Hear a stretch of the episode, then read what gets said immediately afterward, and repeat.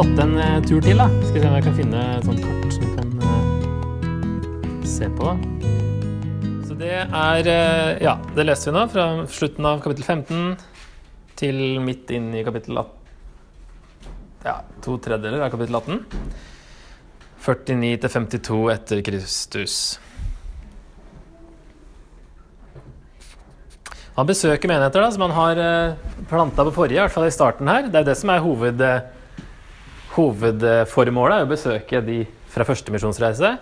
Og så har de jo tenkt å gå videre inn her, og så blir de guida rundt her og får visjon her om at dere skal til Europa. Så ennå så har han jo ikke vært inni her, bortsett fra Efesus, i Asia. da. Og er, alle de her er jo de menighetene som nevnes i Johans eh, åpenbaring. De sju menighetene som Johans åpenbaring er skrevet til, og de ligger også inni her. Vi vet ikke noe særlig om at Paulus han var jo, eller kolosserne bodde jo her. Laudikea og Efesus. I hvert fall folk han har skrevet til da, senere. Men han skriver kanskje første og andre tesalonikerbrev allerede For han blir kasta ut av Jødene jager han ut etter bare tre sabbater, står det. Og så skriver han de brevene ganske fort, da, sannsynligvis i løpet av reisen her. Kanskje fra Aten, mens han venter på Timoteus og Silas skal komme. Eh, Så han skriver noen brev underveis, og er som sagt ett og et halvt år i eh, Korint. Så vi får litt bakgrunnsinfo både til Filippe-brevet her i kapittel 16 og um, Ja, så er det Aten, da, som det er jo det vi egentlig skulle se på nå, med, med denne talen her som han holder på Areopagos. Og jeg var i Aten en gang. vet du, Første gang jeg var på sånn bibelsk sted. Jeg holdt på å klikke. vet du, når jeg plutselig sto der Paulus hadde stått. Det var sånn det var en veldig rar opplevelse. Det var Jeg holdt på å begynne å snakke til Paulus. Det var sånn Du kan ikke be til Paulus, du vet det. Men det var, det var nesten sånn Paulus, du var her, liksom. Så, det, så eh, skal vi se Her er jo Har du vært i Aten? Noen? Nei? Dette er jo Hva heter det? Eh, Akropolis. Yes. eh, og så er jo den, den her rett ved siden av. Eh, Den eh, lille knausen som de da visstnok samla dette rådet på. Skal vi se, her er litt sånn unna. Eh, det er vel her den ligger, da. Sånt. Og så har du, ja, så har du, hadde du templer og sånn oppå der. Um, så um, det var liksom spesielt å stå der Paulus sto. Og um, det er ikke bare han som har stått der heller, fordi Sokrates faktisk Det er jo mye før. 400-tallet. Før Kristus. Så sto han her. Eh, Han hadde oppfordret atenerne til å gå vekk fra gudene sine og i stedet søke etter den ukjente Gud. Det er jo akkurat det Paulus snakker om her òg. Han ble henrettet fordi han avviste byens guder og introduserte fremmede guder og dermed ødela de unges sinn, var anklagen mot ham. da. Ble tvunget til å drikke gift, tror jeg. Sokrates. Oldtidens jøder og kristne satte ham høyt fordi han beskyldte Homers gudefortellinger for å latterliggjøre det sanne guddommelige.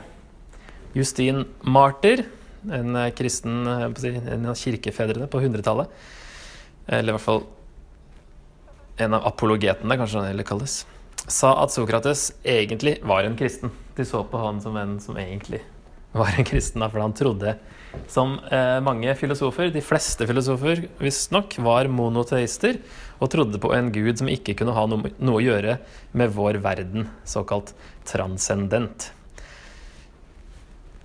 Så Paulus fortsetter Sokrates sitt angrep på politismen og får nesten samme anklage på nøyaktig samme sted. Det er litt kult. Interessant å tenke på hvorfor liksom eh, Er det noe si Er det tilfeldig, eller er det noe Gud gjør for moro skyld, eller er det noe som, som ville ha en eh, stor, et stort poeng for andre enn oss? Så en link med filosof, greske filosofer tidligere, da, som eh, var inne på noe av det samme. Um, for det står fra vers um, 16, da. Uh, mens Paulus ventet på dem i Aten, altså på Silas og Timoteus, ble han rystet i sitt innerste over å se at byen var full av gudebilder. I synagogen førte han samtaler med jødene og dem som dyrket Gud, og på torget snakket han hver dag med dem han traff der. Noen av de epikureiske og stoiske filosofene diskuterte også med ham, og noen sa hva er det egentlig denne pratemakeren har å si? Men andre mente han er visst en som forkynner fremmede guder. Det var fordi han forkynte evangeliet om Jesus og oppstandelsen. Fordi oppstandelsen, eller oppstandelse på gresk heter jo anastasis. Så de tenkte kanskje han snakka om Jesus og anastasis. Derfor de snakker om fremmede guder i flertall. De, altså, da tok de ham med seg og førte ham til Areopagos og sa, kan vi få vite hva slags ny lære du kommer med? For det er merkverdige ting vi hører, og vi vil gjerne vite hva det egentlig dreier seg om. Verken atenerne eller utlendingene som bor der, bruker tiden til noe annet enn å fortelle og høre siste nytt. Da sto Paulus fram for Areopagos-rådet og sa, Atenske menn, jeg ser at dere på alle måter er svært religiøse. For da jeg gikk omkring og så på helligdommen deres, fant jeg et alter med denne innskriften, For en ukjent Gud. Det som dere tilber uten å kjenne, det forkynner jeg dere.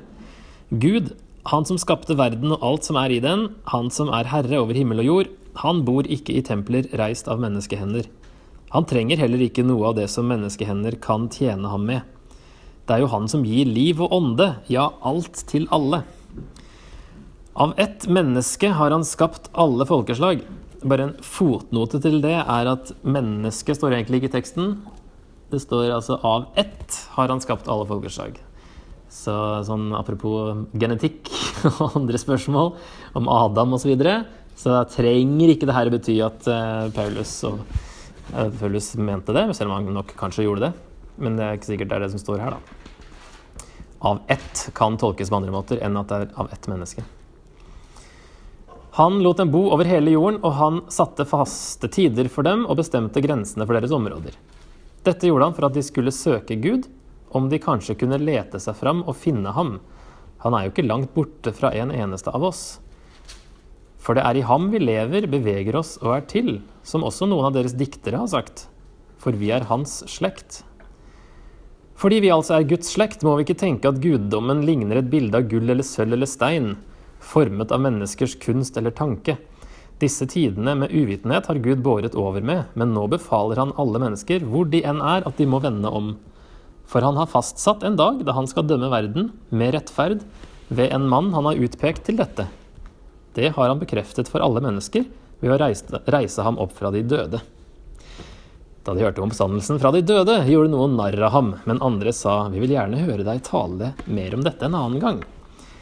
Så gikk Paulus fra dem, men det var noen som sluttet seg til ham og kom til tro.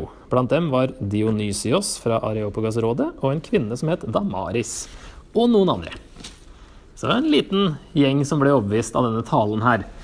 Så da kan vi se på Hva er utgangspunktet til Paulus her, da? Skal vi ta det felles. Hvordan starter han denne talen? Nå er igjen altså hedninger Første talen var eh, første gang i hedens kontekst var altså den i Lystra i kapittel 14. Og her er den i Aten for hedninger som ikke tror på Gammeltestamentet, ikke tror på jødenes gud. Hvor starter Paulus? Han sier at de er religiøse. Mm -hmm. De er religiøse og konkret Ja. Alteret for en ukjent gud. Og så sier han det som dere tilber uten å kjenne, det forkynner jeg dere. Så han bruker jo noe de allerede har der, som de kanskje hadde satt opp for å helgardere seg, sånn at de ofra til alle gudene, til og med en ukjent gud. Som kanskje, kanskje fra Sokrates, hvem vet, at det kom eh, pga. det. Men at de hadde satt opp til og med liksom eh, Få dekka den der òg, liksom, med en gud som vi ikke kjenner og ikke vet om, at vi ofrer til han òg. Så de har, liksom, de, de, har, de har, skjønt noe, på en måte, når Paulus bruker det og sier 'den ukjente guden, den forkynner jeg dere'. Så dere har allerede ofra til den, liksom. Hva sier han om, om Gud i de neste versene? Mm -hmm. Så han er skaper. Han herre over himmel og jord, ja. Han bor ikke på jorda. Eller i templer, da. Sånn, ja. På jorda. Ja. Jeg satte at han er transcendent, da. Altså br- bruke det som fag, fagord. Vanskelig ord. Altså, en, han er utenfor det skapte. Er egentlig det betyr, da. Ikke en del av det skapte. Ok, hva mer? Mhm. Og det sa også Sokrates, visstnok. Stor nok til ikke å trenge mennesker. Litt mer òg? Ja, han bestemte faktisk når og hvor. Altså faste tider for dem. Ja, når er jo faste tider. Og bestemte grensene er jo hvor. Så han har liksom bestemt det òg. Eh, Så det er ganske sånn Det er mye av det som Eller han snakka om Gud som skaper av alt, også i Lystra. Eh, og gir liv til alt, var han inne på. Med regn og avling og sånne ting. Det var ikke så konkret som, eh, som her. Eller han var kanskje mer konkret i Lystra. Og ikke, tok ikke liksom eh, Ja. Hadde ikke tid til å formulere det. like teologisk som her, kanskje. Så det er sånne generelle ting som eh, de kunne forstå, og som Sokrates hadde vært inne på. Eh, og at det, Gud da er større enn de smågudene som de hadde i gresk religion. Eh, og hva var Guds hensikt med alt dette her? I vers eh, 27 at mennesker skulle søke ham, og også ved å famle i mørket, i anførselstegn, for det er vel det eh, Lete seg fram og finne ham, ja. Han er jo ikke langt borte fra en eneste av oss. Gud er nær til alle, men menneskene er fortsatt i mørket. Han er, liksom, han er nær nok, men likevel um, usynlig, holdt på å si. Uh, virker som det er den, den linja Gud har lagt seg på i universet. Da. At uh, det er nok beviser i skaperverket for å tro på Gud, og det er og så er det samtidig usynlig nok til at man kan konkludere med at han ikke fins. Ut fra de samme bevisene. Og da kommer det jo an på andre ting enn bare eh, naturvitenskapelig bevis, da. Men Guds hensikt var at eh, det her er nok grunnlag, som Paulus snakker om i Romerne 1. Ingen er uten unnskyldning, fordi Gud har åpenbart seg nok i skaperverket til at eh, du kan finne han. Så det er hensikten til Gud er at skal, alle skulle søke ham og ja, famle seg fram. Da. Lete seg fram til Gud. Dette her skulle være liksom en, en kickstart til å um, lete seg fram til Gud.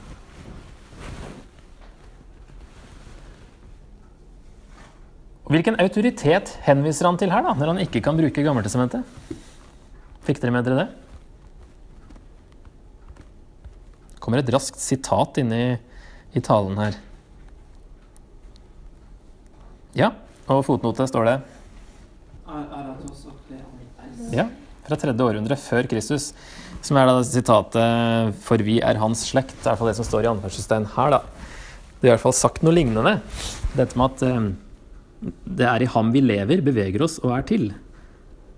Som da kan Synonym til det er altså 'for vi er hans slekt'. Så han henviser til noen av deres egne diktere. De har også vært inne på det her. Hvis når ikke kan bruke Gammeltestamentet, så bruker han en annen autoritet, da, eller noe de kjente til. Det er kanskje ikke en autoritet, det er jo ikke at man må av død og liv mene det samme som de dikterne, men at han, han bruker i hvert fall noe kjent en referanse da, som er noe annet enn en Gammeltestamentet. Eh, Men her er det jo, han snakker jo til stoiske og epikureiske filosofer, står det jo nevnt. Så her er det noen av deres egne, altså noen andre stoikere. Hva er hovedbudskapet til Paulus her? I denne talen? Hvor, eller, si, hvor avslutter han? Han sier jo noe av det samme som i Lystra, med at disse tidene med uvitenhet har Gud båret over med. Og i kapittel 14 sa han at han, han tillot hedningene å gå sine egne veier. Det er jo noe av det samme. Men nå befaler han at alle mennesker, hvor de enn er, at de må vende om. Så Det er omvendelsen her også som er hovedpoenget. Og han kommer aldri til å si navnet Jesus, men han sier at det er en mann som er utpekt til å dømme verden Og han har Gud da reist opp fra de døde, og der bare Nei, nei, nei, nå ble det for tullete, liksom. Det, det er derfor Paulus sier at uh, i første Korinterbrev at evangeliet er jo dårskap for hedningene. Han snakker om en som har blitt reist opp fra døden. Det er helt idioti. Så her bare OK! Da ble det litt sånn eh, leven da, i forsamlingen, virker det som. Men det er igjen, altså, Gud dømmer verden. De må omvende seg før det skjer, som er, som er poenget hans her. Så det ligner jo på visse punkt da, med den i kapittel 14, som også er til hedninger. Det er jo interessant for apologetikk å se i hvert fall på Paulus sin tale her. da, Hvor han starter, hvordan han argumenterer når de ikke har eh, jødedommen som utgangspunkt. Kan ikke bruke bibelvers. Han gjør heller ikke det. Han bruker generell åpenbaring, skaperverket, det alle kan se. Det heter jo, heter jo generell åpenbaring fordi det er en åpenbaring til alle. Alle mennesker kan se det samme. Um, jeg trodde jo de på masse guder, da. Så han bruker jo litt det konseptet, at de hadde jo et alter og sånne ting. Men det er jo tidløs sannhet å begynne med noe de kjenner til da, og trodde på. Vi kan begynne med der. Altså, for eksempel, du kan snakke med noen, og dere er enige om at det er noe gærent med verden. For eksempel. verden er ikke perfekt. Hvorfor ikke? Altså, kan det kan være et sånt utgangspunkt. da. Jeg skal bare vise noen flere sånne lysbilder for å si, fra uh, Dette er Korint. Uh, Apollo-tempelet, som uh, ser sånn ut nå, da. Det er jo egentlig bare masse søyler som står overalt når du er på sånne steder. Så se her fra en annen vinkel så ser vi oppå der er det ruiner av et tempel. Sånn, om det var Afrodite, tror jeg, eller noe sånt. Og der var det visst man diskuterer da om det var på Paulus sin tid om det var en haug med tempelprostituerte, men det hadde vært tror jeg, 1000 sånne prostituerte knytta til et tempel oppå der. Um, så når han skriver til korinterne om å ikke gå til prostituerte, så kan det hende at det var noe oppå der som var liksom grunnen til at han skrev det. Ellers så, Vi har ikke beviser for at det, at det var i drift da, på Paulus sin tid, men det var tidligere i hvert fall. Um, så det er sånne ting som hang sammen med hedensk religion. som da nok kunne være en, en, liten fristelse for noen, tydeligvis. Selv blant kristne i Korint som mente at det var greit å gjøre det, fordi det hadde ikke noe med Altså, vi er jo bare åndelige, ikke sant? Bare det åndelige er viktig. Kroppen har ikke noe å si. Derfor er det samme hva vi gjør med kroppen. Så det må Paulus korrigere. Her var sånne butikker som de hadde rundt eh, Det var litt vanskelig å se. Sånne sjapper som var her, åpninger, dører, da så vi ser for oss at Paulus eh, han var jo her i ett og et halvt år. Jobba som teltmaker, så han satt kanskje i en sånn en da, i åpningen her og lagde telt og snakka med folk. Som vi hadde sånn rundt hele torget. Og eh, her ser vi restene etter det som da sannsynligvis var dette eh, forum. Der han eh, Gallio, som nevnes her, der de banker opp han Sostenes, synagogeforstanderen Sostenes, i 1817 hjulte ham opp like foran dommersetet, men Gallio brydde seg ikke det minste om det. Så det var kanskje her da det skjedde på den eh, plassen her. Da skal vi se Det var raskt eh, andre misjonsreise. da kan vi ta tredje.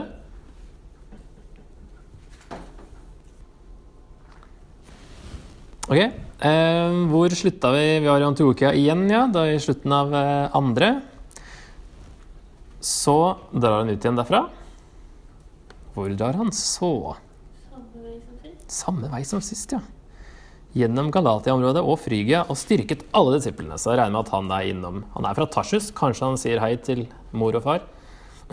så til Derbe og Lystra, Ikonium, Antiokia sikkert.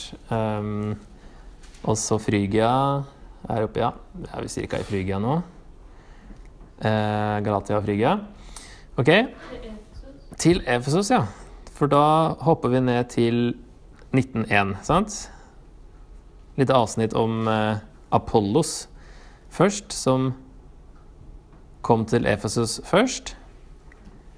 Og så står det 1901. Mens Apollos var i Korint, for han drar dit etterpå, reiste Paulus gjennom Innlandet og kom til Efesus.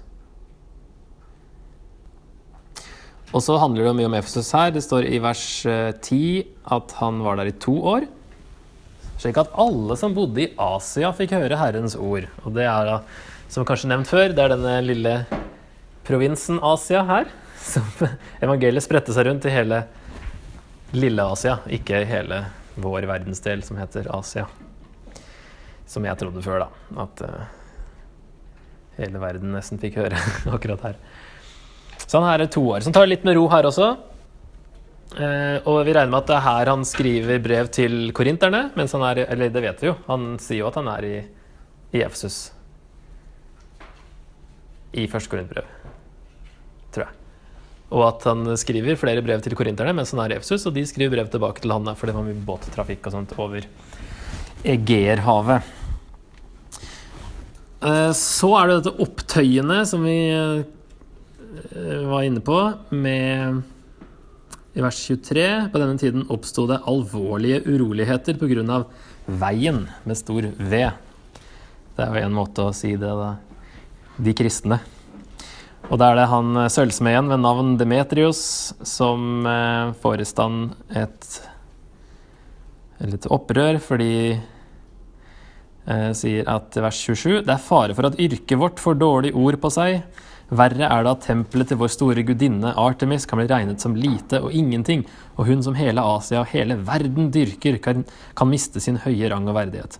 De ble rasende da de hørte dette, og satte i å rope Stor er efesernes Artemis. Uroen bredte seg over hele byen. Alle som en stormet av sted til teatret og slepte med seg de to makedonerne Gaius og Aristarkos, som var i reisefølget til Paulus. Ja, og så holder de på, og det står i vers 34 eh, De skrek alle i kor i to samfulle timer. Stor er efesernes Artemis. Eh, og så står det vel eh, vers 32, ja. Forsamlingen var nå i fullt opprør. De ropte og skrek i munnen på hverandre, og de fleste visste ikke engang hvorfor de var kommet sammen. Så det var helt eh, ja, stor ståhei for ingenting, å si. For eh, at de var redd for at eh, dette her trua deres religion, Artemis, og de, all inntekten som kom fra at de hadde det Artemis-tempelet i Efsus, som var liksom byens stolthet, og faktisk var en av verdens sju underverker på den tida. Så det her var liksom evangeliet, eller forkynnelsen her, da, Paulus, og det rocka liksom med ved noe veldig viktig for dem. Men så ender det greit nok. Fikk løst opp forsamlingen, står det på slutten av vers 19, da. Ok, Så står det i vers eh, 1 i kapittel 20 at Paulus tok farvel og forlot dem for å dra til Makedonia. Så det er jo på andre sida her igjen. Det er da man antar at han drar de samme stedene da, som, han, som vi var på forrige reise. At han er innom menighetene, sier hei. Eh, kanskje ikke Aten, da, men til Korint i hvert fall. Noen menighet i Aten i, i hvert fall Paulus' kontekst. Han var tre måneder i Hellas, står det, i 20 vers 3. Og hva skjer så? Ja, jeg skulle egentlig ta båten hjem, sånn som forrige gang. Og så bare Nei, det kan vi ikke. Det var farlig. Så vi får bare gå tilbake, da, i stedet. Så går den samme vei. Tilbake igjen her. Og så skal vi se uh, Ventet på å si Troas. Han kommer til Troas. Seilte til Assos. Assos er rett ved siden av der. Og så til Mitylene. Det er der, ja. Kios, Samos, Miletos. Og der kommer menighetens eldste fra Efesus. De kommer dit istedenfor at Paulus drar til Efesus. Kanskje han ikke Ja, det står vers 16. Paulus hadde bestemt at han ville seile utenom Efesus for ikke å bli heftet i Asia. Det har jo skjedd ting og tang sist han var der. Jeg vet ikke hva som ligger i det at han ikke ville bli hefta. Men uh, han hadde ikke tid da, til å dra innom Efesus. så Han får de eldste i Efesus til å komme til Miletus i stedet. Så opp til Jerusalem, står det. Så han drar vel da sikkert til Cesarea, som er sånn havneby, og så opp til Jerusalem der. Så den tredje misjonsreisen er jo veldig lik den andre, men at han tar eh, landveien tilbake i stedet for å ta båten derfra, fra Korint. Og så drar han ikke til Antiokia på slutten, men nå er vi i Jerusalem um, fremover. Så ble han arrestert i slutten av kapittel 21. De fikk se Paulus på tempelplassen. De hisset opp hele folkemassen, grep tak i ham og skrek:" Israelitter, kom og hjelp! Her er mannen som overalt lærer alle slikt som er imot folket og loven og dette sted. Nå har han til og med tatt med seg grekere inn i tempelet og vanhelliget dette hellige stedet. De hadde nemlig sett efeseren Trofimos sammen med ham i byen tidligere, og nå trodde de at Paulus hadde tatt ham med seg til tempelet. Uroen spredte seg over hele byen, og folk stimlet sammen. De grep Paulus og trakk ham bort fra tempelplassen, og med en gang ble portene stengt. De holdt nesten på å slå ham i hjel da kommandanten for vaktstyrken fikk melding om at hele Jerusalem sto på ende. Så her er det fullt bråk igjen. Her er for så vidt et bilde da fra Efesus, fra dette teatret. Som man, eh, som man kanskje sa før hvordan man anslår hvor stor en by var, var å ta antall sitteplasser i teatret og gange med ti. Så her er det visst 25 000, tror jeg. Og så tenker man da var Efesus en by med 250 000. Men det er veldig sånn rundt regna, da. Men her var det da de holdt på i to timer og uh, rope 'Stor er efesernes Artemis'. Uh, og de fleste visste ikke engang hvorfor de var der, men det var et oppstyr, i hvert fall.